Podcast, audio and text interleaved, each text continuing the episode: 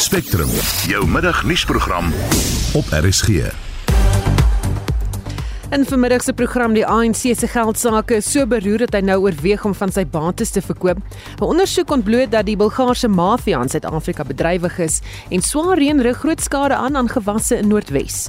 Welkom by Spectrum onder redaksie van Jan Estreisen. Die produksieregisseur is Johan Pieterse en ek is Susan Paxton.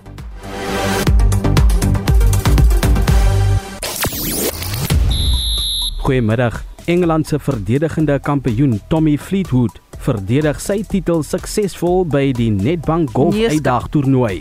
In Formule 1 het George Russell gister 'n emosionele eerste F1 Grand Prix oorwinning behaal. En Rabat is die nuwe koninginne van Afrika klipsokker. Meer sport volg bietjie later. Dis Christo Gawie vir RSG Sport. Idols SA is steeds die nommer 1 hitsmerk en gelukwensinge stroom nog in vir die wenner Tapelo Malomo wat as 'n sielkundige beraader in die pr polisie diens praktiseer. Mense gesels ook oor die Senzo Mjiwa hofsaak waar staatsgetuie Tumelo Madlala onder kruisondervraging geneem word. Ek is later terug met nog nuus uit die Twittersfeer. Nou ons praat nog oor die swaar reën wat die afgelope paar dae groot dele van die land uitgesak het. Sluise by sommige damme soos die Vaaldam is reeds oopgemaak gemaak om druk op die dam te verlig in die infrastruktuur eerder. En nou lyk jy weer daar by jou, as die damme oorvol, uh, het van die water wat uit die Vaaldam of ander damme wat se sluise oopgemaak is uh, daar by jou verbygekom of is dit dalk droog soos in dele van die Oos-Kaap? Laat weet stuur vir ons SMS na 45889 teen R1.50 per boodskap of praat saam op die Monitor en Spectrum Facebook bladsy. Daar's ook video's van die oorstromings daar in Centurion gister. So as jy wil kyk, dan gaan maak jy daar 'n draai. So bykans 8 minute oor 12 wie luister na Spectrum en ewige reën oor die afgelope paar dae noordwes het grootskaalse oorstromings veroorsaak. Talle damme het ook hulle walle oorstroom. Landerye staan knie diep in water en terwyl gewasse wat reeds geplant is versuip is boere wat die tyd van die jaar moet plant nou gekniehalter. Esie de Klerk doen verslag. Reën waarborg boere se voortbestaan, maar te veel daarvan kan ook groot skade veroorsaak, sê Daan van der Merwe wat naby Groot Mariko boer. Dis abnormale hoë reën wat ons nou gehad het. Ons kry normaalweg 30 tot 50 mm in November. Nou het ons in die eerste week van November het ons reeds tot in sekere areas 200 mm gehad. Hier by ons self staan ons nou by 130 mm en dit maak dat ons nie die koring hier agter kan stroop nie. Van 'n merwe sê hy en ander boere gaan groot finansiële verliese ly. Hierdie oes is gereed, dis 7 ton per hektaar wat hier staan. Dis klaar verkoop teen R6000 per ton. En as ons dit nie kan stroop nie, as ons nou nog reën kry, dan beteken dit ons verloor 'n klomp geld. Die insetkoste op so 'n hektaar is hier by R25000 per hektaar. Jy moet verstaan dat elke keer wat dit 'n bietjie reën, daal die graad van 'n B1 af B3 en die volgende is voergraad, dan kan ons dit nie meer vir brood gebruik nie. Dan word dit vir beeste en vir ander diere voeding. Nog 'n plaaslike boer, Susanna Kelkiek, sê die reën veroorsaak ook groot skade aan die paaie en diensverskaffers hou nie kop bo water om dienste te lewer in die gebiede waar dit die nodigste is nie. Die invloed wat die oormatige reën op die stelsel het is negatief. Dit beïnvloed ons sleg. Ons paaie is in 'n toestand dit verspoel van tyd tot tyd is ons sonder elektrisiteit. Die selfoonopvangs is swak. Dit was 'n boer, Susanna Kelkiek. Die verslag is saamgestel deur Mpole Pedi in Groot Mariku en ek is Estie de Klerk vir SAK nuus. Die departement van water en sanitasie het gister 8 van die Valdam se sluise oopgemaak om vloedbeheer toe te pas nadat swaar reën in die gebied uitgesak het. Die Valdam is deel van die geïntegreerde valrivierstelsel en sluit 14 damme in. Die departement sê die sluise is oopgemaak om te voorkom dat die infrastruktuur meegee. Mense is gemaan om versigtig te wees omdat die damvlakke aanhou styg. Ons praat nou met 'n vrywilliger by Potchefstroom se landelike rampbestuur, Theo van Niekerk. Goeiemôre Theo. Goeiemôre Susan. Hoe vol is die valdam op die oomblik en help dit dat die sluise nou oopgemaak is? Uh, ek kom maar hier toe weer baie dankie. Uh agt sluise oop soos jy sê, die kuster is uh, oopgemaak gewees by die valdam. Uh dit is 106.42% is hy vol die valdam. Die invloed dan is 1519 en die uitvloei vloei 1162 en daar het ongeveer 9.6 uh millimeter reën in die opvangsgebied gevang. Die by die barrage is hy tans 7.63 meter diep en hy is ook 100% vol en die uitlaat daar was 7 uur vanmôre 1365 kubieke meter per sekonde maar hier by 9:30 het hom aangepas na 1445 kubieke meter per sekonde en uh, hulle het op hierdie stadium is daar vier hekke oop by die barrage en uh, en as dan nog 5 op 27 duim oop. Uh, die duime is as gevolg dat die barrage gebou is die duime nog ons maatstaf was. Uh, dit is wat ons hier is dan aan Bloemhofdam. Die uitlaat om 10 uur sou verhoog word na 1400 kubieke meter per sekonde en die uitlaat uh, om om om 11 uur sou verhoog het na 1600 kubieke meter per sekonde. Ja. Dit is ons weer ons gebied beweeg op hierdie stadium. Sê vir my, hoe lyk dit dan nou na die onderkant van die Vaalrivierstelsel toe? Ehm uh, hy het redelik hoog gestyg, maar dit is uh, nog nie naby by die vlakke wat hy van tevore gewees het nie en ons uh, glo dat uh, die uh, die beheer van die Valdam hanteer dit vir ons uh, onderkant uh, baie goed. Ons is dankbaar dat dit begin die sluise oopmaak dat dit nie te veel op die stadium gelyk ook sal hê nie. So dat hierdie stadium is almal verwaarsku langs hier uh, oor van die rivier om pompe en toerusting te te verwyder en sowel om by laagwaterbrûe baie versigtig te wees. Ehm um, so dit is uh, daai deel dan ek die klep en die Potchefstroom damvlakke op net gee. Uh, Klerskraal dam is oor die 100 100 uh, vol. Hy loop oor na die Boskop dam toe, hy is 100% vol en Potchefstroom dam is ook 100% vol. Daar is 'n komitee saamgestel om hierna om te sien om te kyk hoe hulle dit monitor so, ons is ons het redelik baie goeie reën gehad ons uh, is dankbaar daarvoor. Hmm. Jy sê net geweer jy het gewaarsku en gesê mense moenie oor laagwater brus sommer hy is die water oorstroom nie hoekom nie? Uh die stroom is, is baie sterk wat op hierdie stadium loop en en as hy net oor 'n bruggie gaan uh die die is jou jou wiel vermoë om op die plat vlak te bly is so groot soos 'n handpalm van 'n man of soos 'n ou koevert soos om geken het en dit is net 'n kwessie dan lig hy hom dan uh dat hy kar dan as spoeling kom van die brug af en hulle kan natuurlik nie die brug presies sien 'n laagwaterbrug het nie noodwendig tralies op nie. So dit om te korrel waar presies die brug is is baie gevaarlik. Hmm. En daar's nie enige aanduiding dat hulle van die ander ehm um, jy weet uh, sluise gaan oopmaak by die Valdam nie. Uh dit val nie binne ons gebied nie. Ons kry nie die inligting hmm. van hulle af sodat ons kan kyk hoe ons kan beplan onder toe om skade te beperk.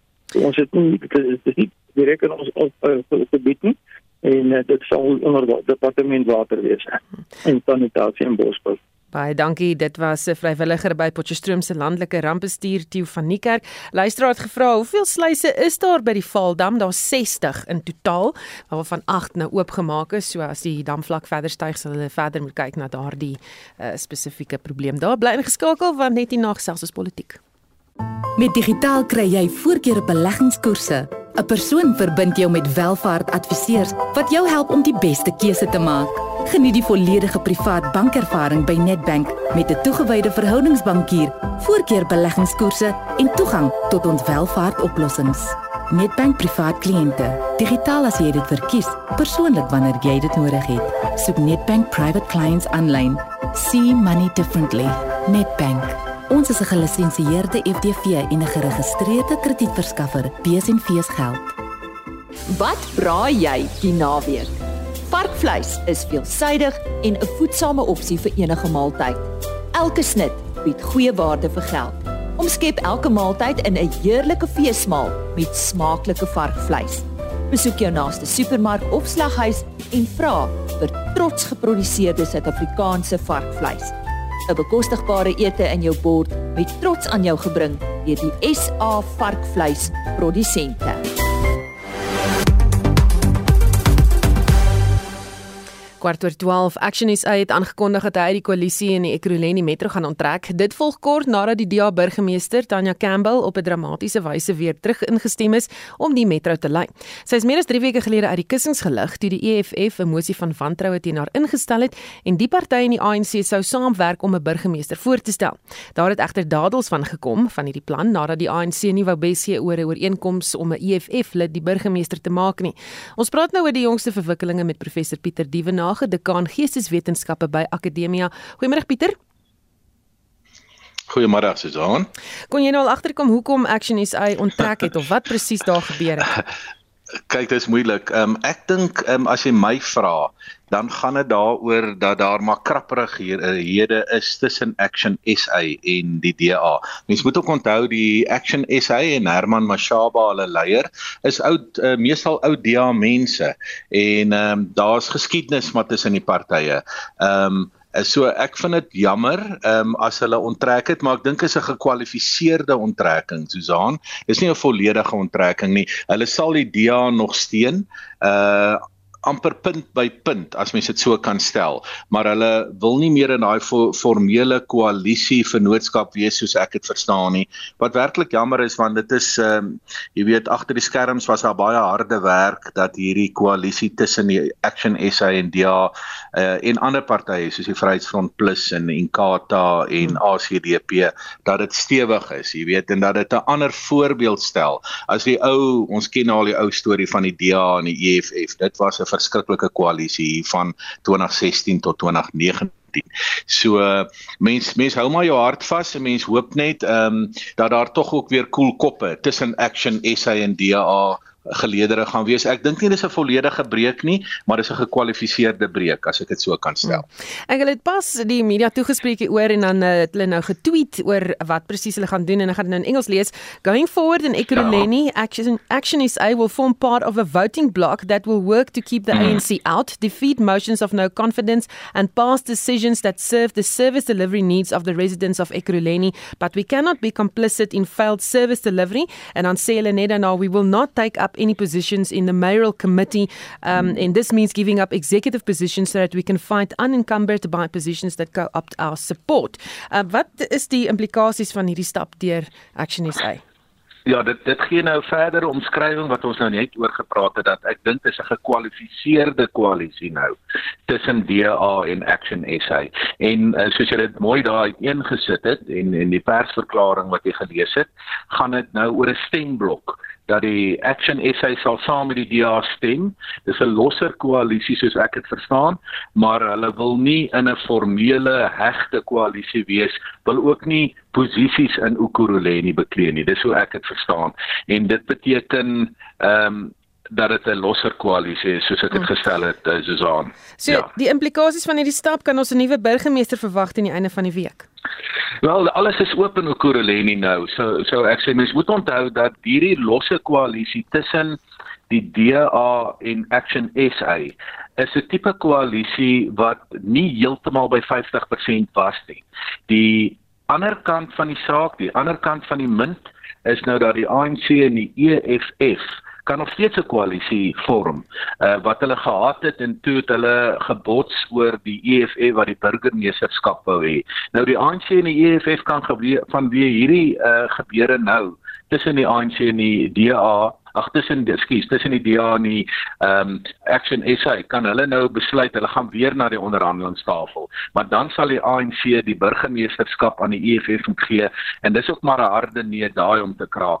So ons sit eintlik in Ukuruleni in 'n tipe van 'n situasie waar die koalisie aan die een kant en die moontlike koalisie aan die ander kant nie heeltemal ehm um, hulle hoe kan ek dit stel uh, aan beide kante jy weet hulle dinge bymekaar kry nie en dit is eintlik jammer vir Kuruleni en sy inwoners. Baie dankie dit was professor Pieter Dievenage dekaan geesteswetenskappe by Akademia. Intussen sal die ANC later vanmiddag die media toespreek oor die gebeure by die party se nasionale uitvoerende komitee vergadering wat by Nasrek gehou is die afgelope naweek. Uit mediaberigte is dit duidelik dat die vergadering oorheers is deur Palapala en gebeure daar rondom. Intussen het Paul Mashatile, die ANC se tesourier-generaal, aangedui in hoeveel finansiële moeilikheid die party werklik is. Ons praat nou met die politieke joernalis en skrywer Jan Jan Joubert. Goeiemôre Jan Jan. Goeiemiddag Susan, middag ook aan die luisteraars. Jou indrukke van alles wat reeds uitgekom het uh, tydens die vergadering? Uh van die naweek. Ja, dis frustrerend dat Palapala dit so oorheers. Ek meen natuurlik wil mens weet wat daar gebeur het. Maar mens ken nou al die president se poging tot 'n antwoord en dit is hy gee sy samewerking aan uh die regsprosesse en hy sal op sy staan as hy aangekla word. Mens moet in gedagte hou dat die persone wat uiteindelik moet besluit of hy aangekla word, is die nasionale direkteur van openbare vervolging. Dis iemand wat van hom afhanklik is vir haar aanstelling en vir haar bly in die pos. So dit gaan vat ons terug na uh, die Gangmosenetjie se uh, stelling die voormalige hoofregter dat daar te veel mag in die president setel. Hm. Jy weet die president het te kenne gegee daar was 480 000 dollar in hierdie bank van hom versteek, maar dis ook al wat hy gesê het, moet hy dringend meer sê want dit verdeel die party.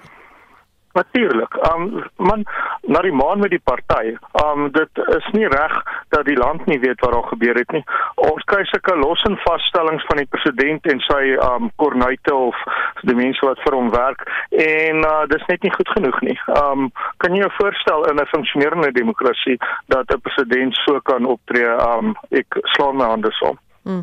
Jou gedagtes oor die feit dat die president se woordvoerder gesê het hy sal op sy staan as hy strafregtelik aangekla word. Sal hy aangekla word? So, um daai besluit lê by Shamila Batoy. Shamila Batoy is aangestel en kan afgedank word deur Cyril Ramaphosa. Um dit is nie 'n um, gesonde posisie nie. Hmm. Dan is daar ook baie wat hom gepols het en gesê het maar hy moet op sy staan. Wat dink jy van hierdie mense wat hom so gepols het? Ek dink hulle verstaan nie die op sy staan reël nie. Dit sê omdat hulle 'n bietjie stadig is of omdat hulle bietjie aspres is. Nou as 'n dokter in Kosse Zona Dlamini Zuma is, sy's 'n baie intelligente vrou, dan sê ek sy's aspres. Um die stelling van die reël is dat uh die persoon moet op sy staan wanneer hulle formeel aangekla word deur die owerhede, met ander woorde in 'n hof. Um meneer Ramaphosa word nie in 'n hof aangekla nie, soos ek gesê het, daai besluit lê by mevrou Batoy en um tot tyd en wyl en ek dink daai tot tyd en wyl gaan meer wyl as tyd wees. Um dink ek dat uh dat dokter Dlamini Zuma nie vir die eerste keer nie die kat aan die sterk het. Dan is die ANC ook diep in die finansiële moeilikheid, iets wat nie heeltemal onbekend is nie, maar uh, dit het aan hulle gekom hulle is baie erg in die moeilikheid en dat hulle dalk van hulle bates dit in die buiteland is wil verkoop. Ja, jy weet, ehm um, dit is die omvang van die probleme is nou duideliker en ook vir diegene van ons wat onder ANC regering staan, seker geen verrassing dat hulle nie met geld kan werk nie. Maar hulle ehm um, beweer dat hulle omtrent 500 miljoen rand in die skuld is dit sluit in dat hulle nie hulle huur betaal nie. Hulle is 3 miljoen rand daar agter dat die um dat die finansiële sektor se gedragsraad um die Financial Sector Conduct Authority um het gesê hulle moet 85 miljoen rand uitbetaal aan uh, wat agterstallig is met die werkloosheidsversekeringsfonds en daai provident fund. Met ander woorde, hy staan ook as die versekeringsfonds uh bekend, maar dis mos nou vir beserings aan dienste en so voort. Um so dit moet teen 10 miljoen rand 'n maand afbetaal word. Dit nou van 'n organisasie waar die minister van arbeid toelaat Messi 'n leidende lid is en 'n sy eie wetgewing wat hulle um, wat hulle verbreek daar. So hulle is ontsettend ver in die skuld. Nou sê die ANC hulle het 5 miljard rand in bates um, onder meer in Lusaka en Londen sê die berig in die Daily Maverick vandag. En um, ek wonder darm of daai bates so baie werd is. Jy weet eiendom kan dikwels oorgewaardeer word. Wat ek beleef het Susan was in Duitsland nadat Karin Du Plessis 'n berig geskryf het, um ek dink hoe kan vir die Maverick ja, dis reg. Um oor die toestand van die ou um, ambassadeurswoning in Bonn in die weste van Duitsland uit die dae toe die Duitse staat nog verdeeld was en die toestand daarvan het ek ook gaan kyk en laat ek jou sê daar's geen manier dat daai en om verskriklik baie werd is in enige land of in enige geldeenheid nie of die eienaarsmark in Zambië tans 'n oplewing be, beleef daarvan is ek onbewus. Maar in Brittanje hang dit darem ook af van die toestand van die eiendom. En as ons kyk na die ANC by daas party en as regering se rekord met die instandhouding van eiendom sou ek nie geld opsit dat dit soveel geld werd is nie. Kan hierdie finansiële krisis die party se ondergang beteken Dit behoort eintlik, maar jy sien die probleem nou is, gestel jy's nou hierdie um eienaar van die perseel waar hulle nou hulle winkel bedryf, kan jy reken dat 'n politieke party hoegenaamd 'n winkel het, maar in um in Johannesburg, ek wil sê amper aanhaal daar van Isak de Villiers het op 'n stadium in sy gedig opwekkingsdiens geskryf, hier word alles teen lae pryse uitverkoop. Wel, ek sou sê dis seker die situasie daar want hulle is 3 miljoen rand agter net op daai tipe huur. Nou as jy die um eienaar van daardie um winkel se perseel is die, die persoon wat nou die huurpag moet inkry, um dan gaan jy sukkel om 3 miljoen rand uit hulle uit te kry en dis maar altyd 'n kwessie van wat kan jy kry? So partykeer dan hang mense maar so 'n bietjie aan 'n tak en wag of jy ou kan betaal of nie. In die geval van die ANC dink ek almal wat vir hulle dinge verhuur het, is waarskynlik baie jammer dat hulle dit gedoen het. En dan wat van die brief wat deur die dissiplinêre komitee aan Ysmagashule gestuur is sodat hy redes moet verskaf hoekom hy nie afgedank moet word nie. Ehm um, wat is die proses hier? Wat gebeur hier? Dis 'n baie interessante situasie Susan en ek sê so groot dank verskuldig aan dokter Oscar van Heerden wat my vanoggend 'n bietjie uitgehelp het want wat ek nie kon verstaan nie is dat um Magasulius mos nie deur die dissiplinêre komitee of die ANC as 'n amptenaar aangestel nie. Hy's verkies op die kongres van die ANC in 2016 uh althans 20 um wat was dit? 17 ja. In 2017 daar by Nasrek is hy verkies tot daai posisie Nou die situasie is dat hy tans geskort en uh, sy enigste manier van appel is na die kongres toe wat in Desember weer by Nasrek daar buite Johannesburg plaasvind. En um dit is met ander woorde sodat hy in elk geval daar 'n spreekbeurt gaan kry omdat hy sy appel tot die afgevaardigdes kan rig. Wat die dissiplinêre komitee nou gedoen het is om te sê hy moet redes verskaf hoekom hy nie heeltemal afgedank moet word nie. Waar hy geskort is, kan hy nog teruggaan by by afgedank is kan jy nie. En soos wat Oscar vir my die um die dinge verduidelik het, is sy appel teen afdanking na dieselfde kongres toe. So al wat nou gebeur is hy sou in elk geval 'n spreekbeurt gekry het op daai kongres en nou gaan hy um sy spreekbeurt net moet um moet gee met meer op die spel. So um dis eintlik 'n slim skuif op die ou end van die Ramaphosa groepering wat definitief daai uh, dissiplinêre komitee oorheers om dan om dan uh, Magashule se posisie so te laat dat as hy sy appel verloor, met ander woorde as die meerderheid van die afgevaardigdes nie voel dat hy heraangestel moet word nie, dan sy heeltemal sonder 'n werk nie meer net geskort nie. Baie dankie, dit was die politieke joernalis en skrywer Jan Jan Jubber. Times Live en die Sunday Times se spesiale ondersoekeenheid het pas 'n potgooi bekend gestel wat die werkinge van die Bulgaarse maffia hier op eie bodem ontbloot. Aaron Heyman, die joernalis wat agter die indiepte ondersoek getiteld Cape of Cocaine sit, sê dit is 'n amper onwerklike verhaal oor spookskepe, dwelms, die maffia onderwêreld en moord wat bykans ongestoord hier in Suid-Afrika plaasvind.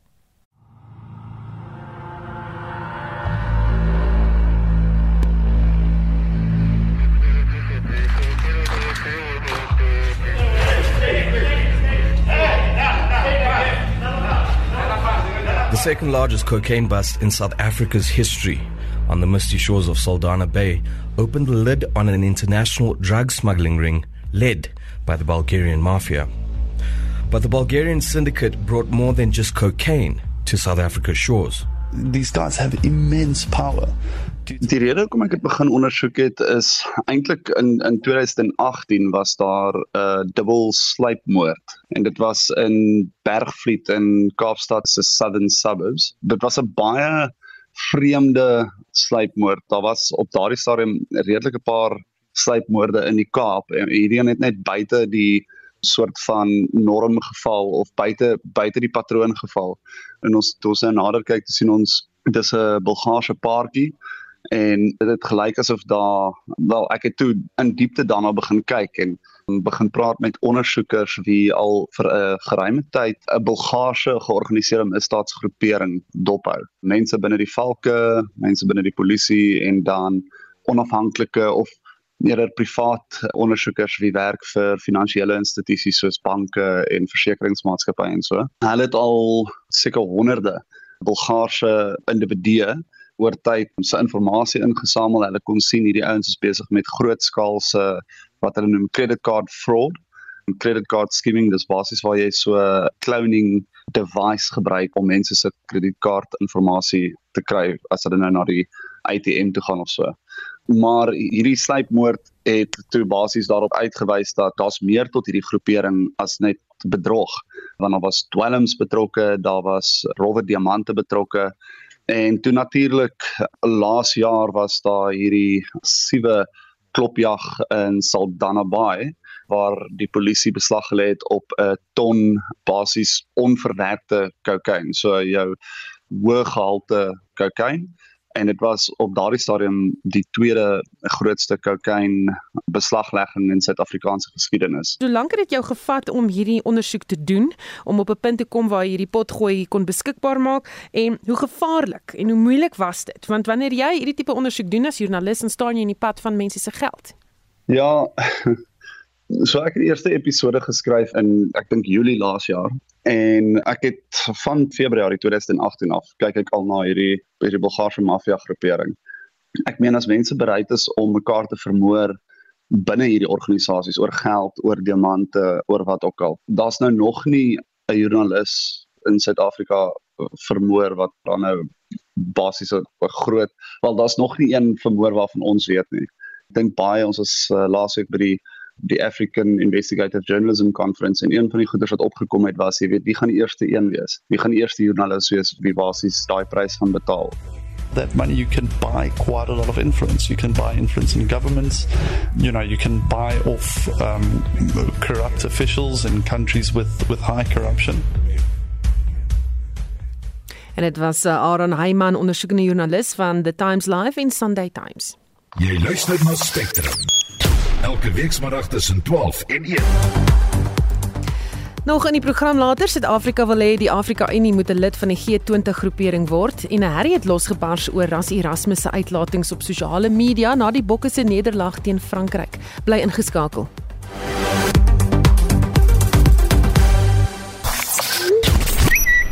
Op Twitter kan mense nog steeds nie uitgepraat raak oor die Brasiliaanse Grand Prix wat George Russell se eerste groot oorwinning behaal het nie. Max Verstappen vir Red Bull wat nie die podium gehaal het nie, is ook 'n gewilde onderwerp. Klop mense wat nog saam praat oor die reën en waar dit nie reën nie. Letitia Burger wat sê Klerksdorp het van 1 maand gelede tot nou al meer as 250 mm reën gehad. Baie dankbaar. Ons paai se slaggate word ongelukkig net erger as gevolg van hierdie reën. Dan sê 'n luisteraar daar uit Appington se omgewing is Andrew Jacobs wat sê, "Sjoe, ek wens ons hier in hierdie omgewing van Appington kan ook daardie lekker reën kry. Die plase is droog en ons sukkel maar met die vee," sê hierdie persoon. En uh, nog 'n luisteraar wat dan nou ook saamgesels en sê dat die Potchefstroom eerder het baie reën gehad. Die mooi rivier loop oor sy walle strooi die bote wat laat weet het. Ons beweeg na die sportveld met Christo Gawie. Goeiemiddag. Die verdedigende kampioen by vanjaar se Nedbank Golf Uitdag toernooi op Sun City, Tommy Fleetwood van Engeland, het sy titel suksesvol verdedig. Hy het die laaste ronde 'n 5 onder 67 aangeteken om die toernooi op 11 onder baansyfer af te sluit. Nieu-Seeland se Ryan Fox was tweede, een nou swakker as Fleetwood. Indië se Shubhankar Sharma was derde en die besgeplaaste Suid-Afrikaner Christian Bezuidenhout was gesamentlik vyfde 7 onder baansyfer. In Formule 1 het George Russell gister 'n emosionele eerste F1 Grand Prix oorwinning behaal om 'n seisoenlange leegte vir Mercedes te beëindig in Brasilië. Lewis Hamilton het tweede klaar gemaak met Ferrari se Carlos Sainz derde. Die Abu Dhabi Grand Prix volg op die 20ste November. In sokker is Rabat die nuwe koninginne van Afrika klipsokker nadat hulle die verdedigende kampioen Mamelodi Sundowns gister met 4-0 verslaan het om die vroue kampioene liga te wen. In die Engelse Premier Liga het Manchester United geseëvier met 'n 2-1 oorwinning oor Fulham. Aston Villa het Brighton met 2-1 geklop terwyl Arsenal Wolverhampton met 2-0 geklop het. In tennis het Switserland gister hulle eerste Billie Jean King beker titel gewen nadat Belinda Bencic Australië se Angela Tomjanovic in skoonstelle in die tweede wedstryd van die eindstryd afgesien het om hulle onaantastbare voorsprong van 2-0 te gee. In kriket is Engeland die nuwe T20 wêreldkampioene nadat hy Pakistan in die eindstryd in Australië met 5 paaltjies geklop het. Engeland het die loting gewen en Pakistan ingestuur om eerste te kolf wat slegs 137 vir 8 kon aanteken. Die teiken was geen moeite vir die Engelse kolwers nie wat dit met 'n bulbeerd oor en 5 paaltjies staande verbygesteek het. En dit was Christo Gawie van RSG Sport. Ons bly egter by rugby sake. 'n Nuwe herrie het losgebars oor die direkteur van SA Rugby, Rassie Erasmus, en sosiale media video's wat hy die rondes laat doen het na die naweek se nederlaag teen Frankryk. In die jongste sarsie video's maak Erasmus gebruik van sarkasme om kapsie te maak teen die manier hoe die wedstryd teen of deurskeieregters of deurskeieregter eerder Wayne Barnes hanteer is. En vir sy mening praat ons nou met die sportredakteur by Rapport Tinus van Staden. Goeiemôre Tinus. Goeiemôre Susan. Erasmus het onlangs teruggekeer van 'n skorsing vir die einste oortreding, die maak van video's wat uitvaar teen skeieregters, terwyl hy wel goeie punte maak oor die vletjieblaser in Saterdag se wedstryd. Is dit nie hoogtyd dat hy nie net die gewoonte maar laat vaar nie? Ja, asseblief tog. Ek weet net nie wat hy wil bereik nie. Wat help dit nou? Hy plaas 5 video's op uh, op Twitter waar hy nou klaar op 'n sarkastiese manier grens bietjie aan kinderagtig eintlik. Waar hy nou waar hy nou klaar oor Wayne Barnes se vertoning. Maar die feit van die saak is in so toets verstaan daar gaan moeilik daar gaan 50-50 beslissings wees die die skeieregter van wie die die reëls wat so wat op die oomblik so eintlik moeilik en verskriklik ingewikkeld is om te verstaan en en presies regte regte blaas gaan altyd foute wees. So wat help dit nou jy gaan na die tyd die wedstryd is verby, nou plaas jy dit op sosiale media. Daar is kanale waar deur skei ag afrigters en bestuurspanne kan gaan om hulle misnoem met 'n blaser te ken te gee na die tyd. So verstaan dit is dalk die beter ding en die, en die feit van die saak is ja, Wayne Barnes het 'n paar blapse gemaak in die laaste 10 minute of twyfelagtige twyfelagtige beslissings gemaak wat Frankryk bevoordeel het, maar die bokke moet liewer konsentreer op wat wat hulle kan beheer. Hulle het Saterdag in die eerste helfte was hulle lyn staan is swak geweest, hulle dissipline het hulle met tye in die steek gelaat en dan was weer eens 'n keer of wat wat hulle nie opvolgehou druk kon voortbou om punte aan te teken nie. Verstaan so dis daai tipe goed waarop die wat wat binne hulle beheer is. Daar gaan altyd moeilike beslissings wees. So jy moet jy moet jou wedstrydplan so aanpas dat jy sorg dat die blaser se interpretasie nie 'n invloed op die uitslag het nie. So nee, ek dink dit is verseker hoogtyd dat ons nou aanbeweeg daarvan af. Nou Suid-Afrika die naweek sy tweede 18 en volgende verlies gelei op die huidige toer. Tog is daar rugbykenners wat voel dat die Bokke steeds op die regte traject is. Uh dis nou op pad na volgende jaar se Wêreldbeker. Hoe is dit moontlik en stem jy saam? Dit's moeilik. Kyk, ons word altyd aan die die bokke sal altyd aan hulle uitslaa gemeet word, maar mens moet ook in in, in gedagte hou dat hulle teen die wêreld se twee beste spanne weg van die huis af gespeel het en in albei wedstryde kon hulle gewen het. Teen Ierland kon hulle gewen het, hulle beter is hulle stelskopwerk beter was. Teen Frankryk kon hulle gewen het met die wip van die bal miskien of is hulle een of twee keer soos ek vroeër genoem het net kon afrond as hulle geleenthede geskep het. Um so ek dink die die optimisme sprei daar uit dat veral in die wedstryd teen Frankryk het hulle vroeër rooi kaart gekry en dan is jy onmiddellik onder druk en teen die, een van die beste spanne in die wêreld. Dit verstaan dit is 'n groot taak gewees en hulle het verskriklik baie durf ehm um, gewys om in die wedstryd te bly en op 'n plek te kom waar hulle die wedstryd kon wen. Daar's vooruitgang, daar's uh, 'n uh, bietjie meer opwinding in die in die in die agterlyn ehm um, hoe hulle speel, verstaan met Cheslin Colby, Kurtley Arends. So daar's spelers wat deurkom wat verstaan wat regtig positiewe tekens wys. Ek dink die optimisme spruit ook daar uit dat mense verstaan amper of hulle die gee die bokke meer grasie omdat dit 'n jaar voor die wêreldbeker is. So hulle hulle is ons sal liewer nou 'n paar nederlae vat, verstaan ek en en dan uh om die wêreldbeker te wen volgende jaar. Ek weet dit is dalk nie almal voel dalk nie so nie, maar ek dink dit is maar die die die mening van die oorgrootste meerderheid daar buite. Hmm. En net so vir ons groet die Proteas jaareind toer na Australië is ook vanoggend bekend gemaak. Enige verrassings? uh, Gerald Coetzee wat in is. Ek dink ek weet nie of dit noodwendige verrassing is nie. Hy het nie die beste van seisoene gehad nie, maar hy's 'n ou wat teen 150 km/h kan bol. Ehm um, so ek dink hulle gaan dit en dit kan in Australië 'n groot voordeel wees en ook natuurlik Tennis de Bruin wat vir die eerste keer in sedert 2019 in die in die Protea groep ingesluit het. Ek gesluit is ek dink hy hy's 'n speler met ongelooflike talent wat nog nooit regtig sy stempel in toetskriket kon afdruk nie, maar ek ek dink hy sal hoop om nou is hy 'n geleentheid kry in die reeks um, om te wys wat wat in hom steek. Baie dankie. Dit was Tinus van Staden, sportredakteur by Rapport. Suid-Afrika wil help toesien dat die Afrika Unie ook by die lys van G20 lande ingesluit word. Ons is tans die enigste Afrika land wat deel is van die G20 magtigste lande. Die beraad vind die week in Bali in Indonesië plaas. President Cyril Ramaphosa se woordvoerder, Vincent Magwenya, sê dit is belangrik dat Afrika groter verteenwoordiging kry. Ons praat nou hieroor met professor Antoni van Nieuwkerk wat verbonde is aan Nisa se Tabo Mbeki Afrika Skool vir Internasionale Betrekkinge. Goeiemôre Antoni. Goeiemôre, Jan. So wat sal dit verg van die AI om verteenwoordiging te kry op die G20? Sjoe, ehm um, dis 'n dis dis dis 'n baie ambisieuse onderneming. Ehm um, want ehm um, die G20 bestaan uit ehm um, uit lande met sterk ekonomieë.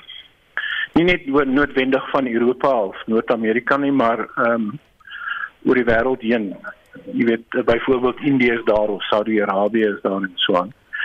En uh, dis nie regtig waar die forum vir 'n vir 'n vir 'n organisasie waaraan lidlande behoort soos die Afrika Unie om aan te sluit nie. So dis 'n ambisieuse onderneming, maar ek dink die politiek hier agter is om vir Afrika geleentheid te gee om ook deel te neem aan die gesprekke wat die G20 onderneem en dit is gesprekke wat hoofsaaklik gaan oor hoe om die die globale finansiële argitektuur aan die gang te hou om 'n krisis te voorkom of te bestuur. En ek dink rede hoekom ons uitgenooi word om deel te neem of aan te sluit as 'n as 'n blok, as 'n groep is omdat die die oorlog in die Oekraïne leer vir ons dat daar uh, is baie ehm um, ekonomiese en voedsel en energie uh, onsekuriteit of ja, insecurities, onsekerheid in die wêreld.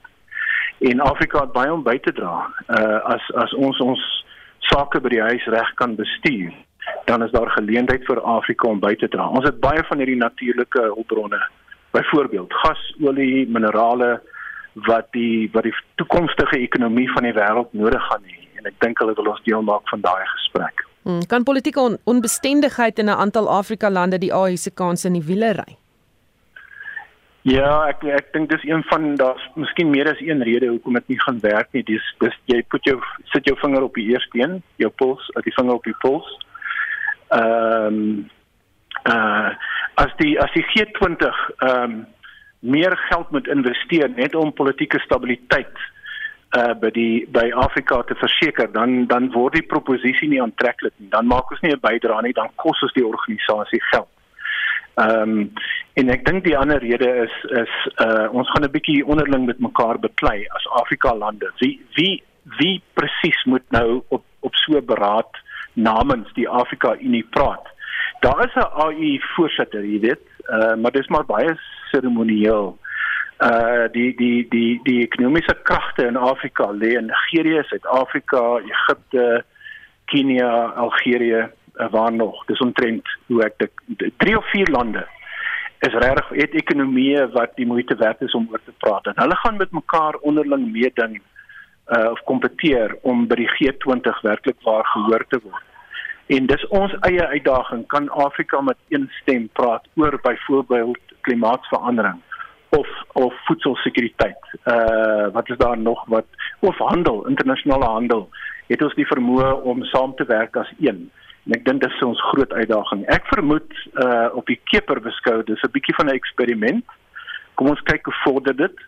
Uh as die AI werklik waar professioneel kan optree en hierdie stemme waarvan ek praat kan intrek in besluitneming om met een posisie voor in dag te kom, dan is dit 'n wenner.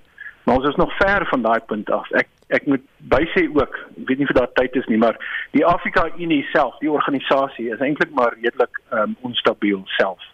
En werk nie regtig eintlik baie goed nie. Dan die G20 lande, wat is uh, van die grootste uitdagings vir die G20 groep? Ja, nee, dis presies. Dis presies uh, die goed waarvan ons nou praat, uh daar's uh, uh, die die uitdaging vir die G20 is om seker te maak dat die wêreld nie in 'n resessie verval nie. Gegeewe die onstabiliteit wat ons nou in die oos staat tussen Rusland en NAVO en China, Oekraïne en wie weet wat nog voor lê. Jy weet China val Taiwan in en ons daar ook 'n verdere uh, krisis. En dis die dis die werk van die G20 om stabiliteit te handhaaf. Ehm um, en daar's drie goeders waaroor hulle nie noodwendig met mekaar gaan saamstem nie. Ehm um, uh, dis internasionale handel, Ons het geleer, jy weet dat uh, dat Trumpisme uh, is 'n tipe van 'n filosofie filosofie wat sê ons ekonomie eerste. Die idee dat jy, jy weet, handelsbande bevorder en tariewe verlaag en en saamwerk in 'n geïntegreerde internasionale ekonomie is nou van die baan uh, gegee die onstabiliteit. So dis hulle eerste uitdaging is handelsbande. Hoe om dit uh, ehm um, uh, vir almal op 'n goeie basis aan te bied. Die tweede een is klimaatsverandering. Uh jy ken die storie daar. Daar's 'n groot debat tussen wie moet betaal vir die skade wat uh, aangerig is deur die ontwikkelde ontwikkelde lande wat wat van van van uh steenkool gebruik gemaak het om hulle ekonomie aan die gang te kry en uh die wat nou later uh besig is om te ontwikkel moet nou self die prys betaal en moet afsien van steenkool en moet nou 'n oorgang maak na hernuubare nuwe hernubare bronne en die vraag daar by die G20 is wie betaal die prys vir hierdie aanpassings wat gemaak moet word. Hmm. Uh so ek dink is baie moeilik. En die derde een is is internasionale sekuriteit uh en stabiliteit. Moet uh moet moet Rusland uh moet die oorlog in die Oekraïne voortgaan of ons probeer om vrede te maak? Baie dankie. Dit was professor Antoni van Nieuwkerk van die Nisa se Thabo Mbeki Afrika Skool vir Internasionale Betrekkinge. 'n Jong transgender vrou wil volgens die Khoza gebruike inisiasieskool saam met jong mans bywoon. Die 18-jarige Kengwatiti van die Tembalethu Hoërskool in die Oos-Kaap is as 'n seun gebore, maar leef as 'n jong meisie vandat sy 4 jaar oud is. Hier verduidelik sy wat die redes is vir haar ongewone besluit. Well, I want to undergo the traditional rite of passage because it is tradition. Even though I've identified myself as transgender woman, and I want to gain respect and dignity in my community and peers. My fear is that in the initiation school, I don't know how my spallicas or mates are going to take this of me being transgender, and my expectations are being accepted as I am, and also people talk whether you do good or bad my family and friends gave me all the support and the community as well because I grew up in front of them. Nou vir meer hieroor praat ons nou met 'n politieke ontleder aan Universiteit Stellenbosch wat daar ook toespits op vroueregte professor Amanda Gous. Goeiemôre Amanda. Goeiemôre. Wat dink jy van hierdie jong vrou se besluit? Ek dink dit is baie verwarrend uh, vir meeste mense want sy sy het basies haar manlike identiteit verwerp. Sy lewe nou haar hele lewe tot nou toe as as 'n transgender vrou. Maar nou wil sy geïnisieer word in manlikheid in want dit is wat daardie die betekenis van daardie ritueel is is om mans in manlikheid te inisieer. So die vraag is hoekom stel sy belang om dit te doen as sy eintlik lewe as 'n vrou? So dit is ek dink uh, geweldig verwarrend vir mense rondom haar.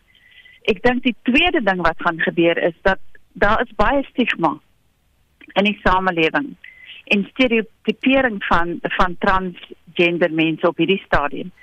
So as sy nou gaan na die inisiasie skool toe, gaan dit aanvaar word. Wat gaan die die ehm um, vooroordeel teenoor haar wees en hoe gaan dit uitspeel? Ehm um, vir, vir mense wat die film The Wound gesien het, net wat gaan oor gay manlike verhoudings in inisiasie skole dit is moeite werd om daai film te kyk om te sien net presies hoe werk hierdie vooroordeele en en dit is ja ek ek weet nie of sy aanvaar gaan word deur haar haar portiergroep by die inisiasieskool. Hmm. Sou sy toegelaat word? Dit is 4 weke in die veld. Het sy moontlik professionele hulp nodig om haar deur hierdie proses te help? Wel, die vraag is, jy weet, sy maak 'n keuse om haarself daaraan bloot te stel. Jy moontlik kan sy professionele hulp nodig hê. Maar jy weet ek dink vir my is die wat ons hier sien is wat ons noem the fluidity of gender identity die die vloeibaarheid.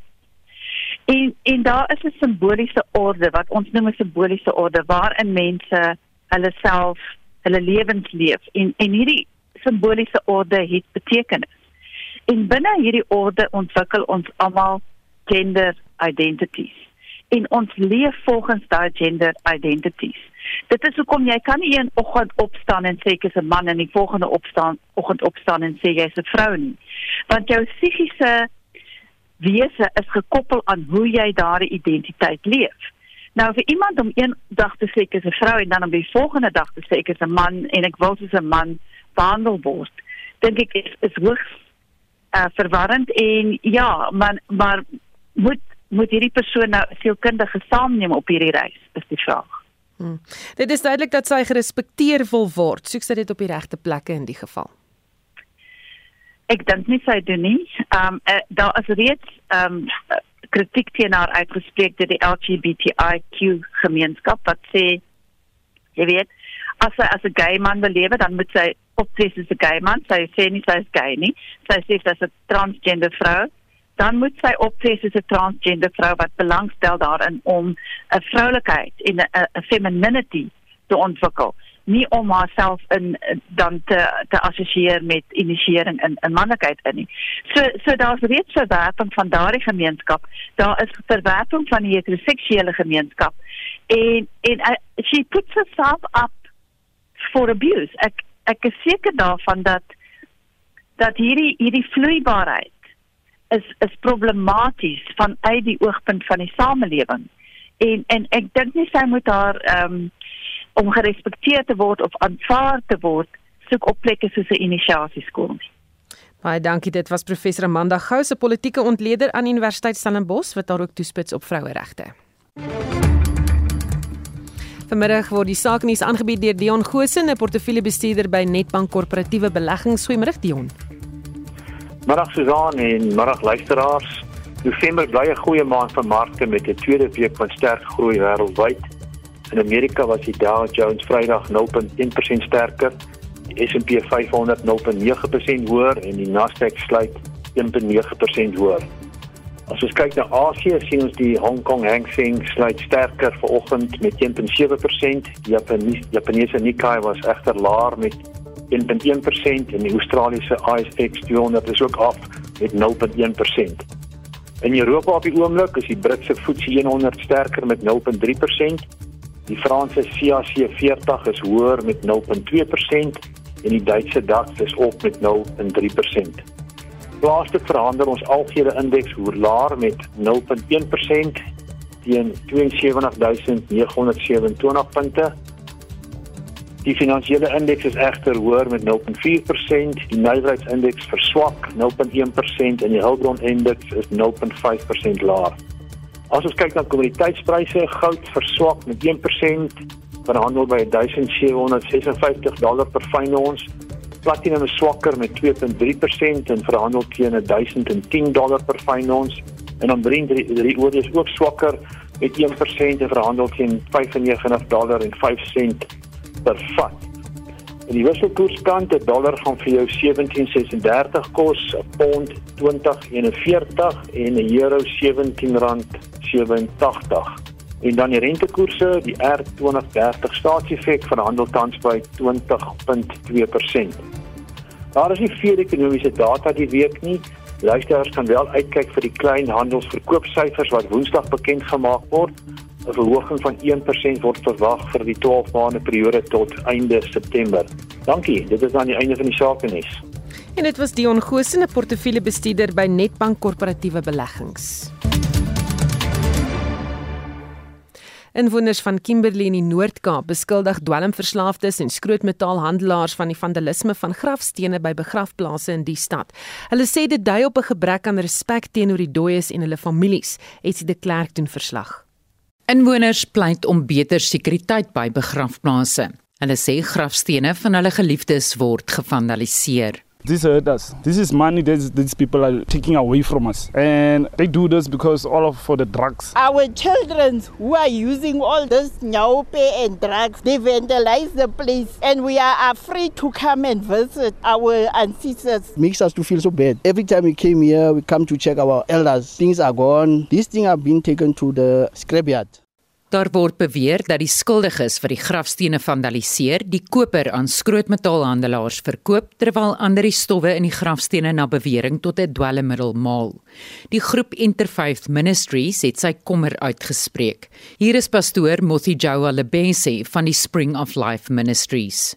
Tombstones being vandalized is first of all a crime and the law must take its course. As a community, we have to stand together because some of them are happening under our noses. Communities are actually working at a loss now because it means all the investment that has been put on the funeral costs is being destroyed by criminals. Die Solplaatjie munisipaliteit se woordvoerder, Tokko Riet, sê die munisipaliteit sal eers die begrafplase in Kimberley in die volgende finansiële jaar kan omheind. We have frequent vandalism in our local uh, cemeteries, which is mainly impacts the tombs and the fencing around the cemeteries. We are currently looking at fencing off all the affected cemeteries in our next financial year, which will assist us in uh, minimizing the vandalism of our tombs. Inwoners eis egter dat die polisie teen die skuldiges moet optree. Die verslag is saamgestel deur Neria Thlakotsa in Kimberley. Ek is Estie de Klerk vir SAK nuus.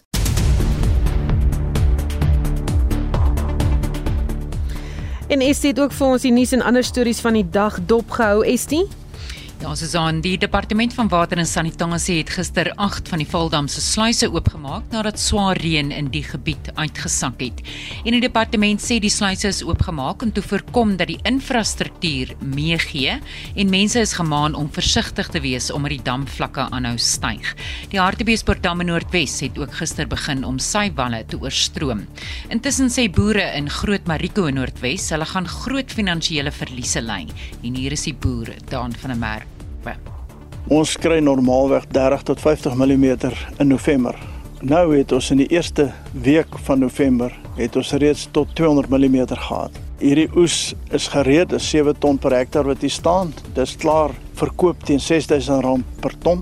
En as ons dit nie kan stroop nie, dan beteken dit ons verloor 'n klomp geld. Die insetkoste op so 'n hektaar is hier by R25000 per hektaar. Elke keer wat dit 'n bietjie reën, daal die graad van 'n B1 af B3 en die volgende is voergraad, dan kan ons dit nie meer vir brood gebruik nie.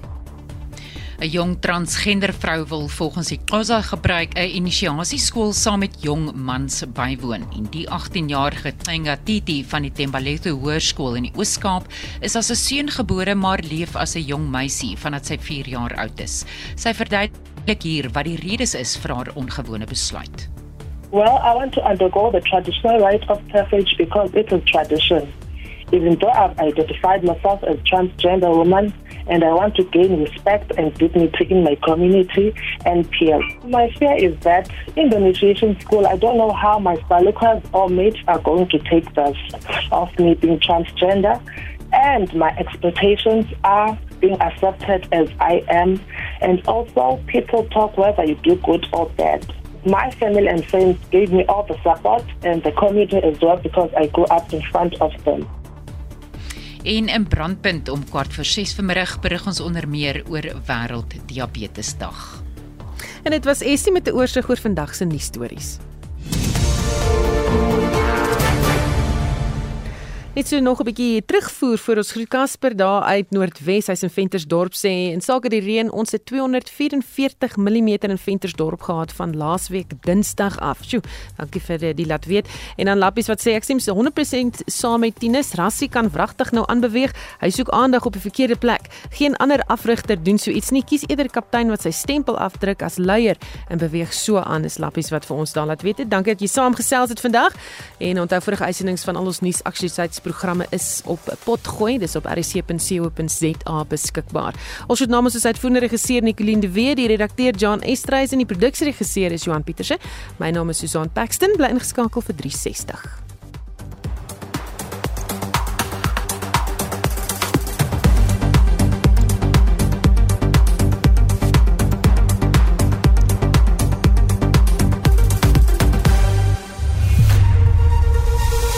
SAK nuus. Onafhanklik, onpartydig.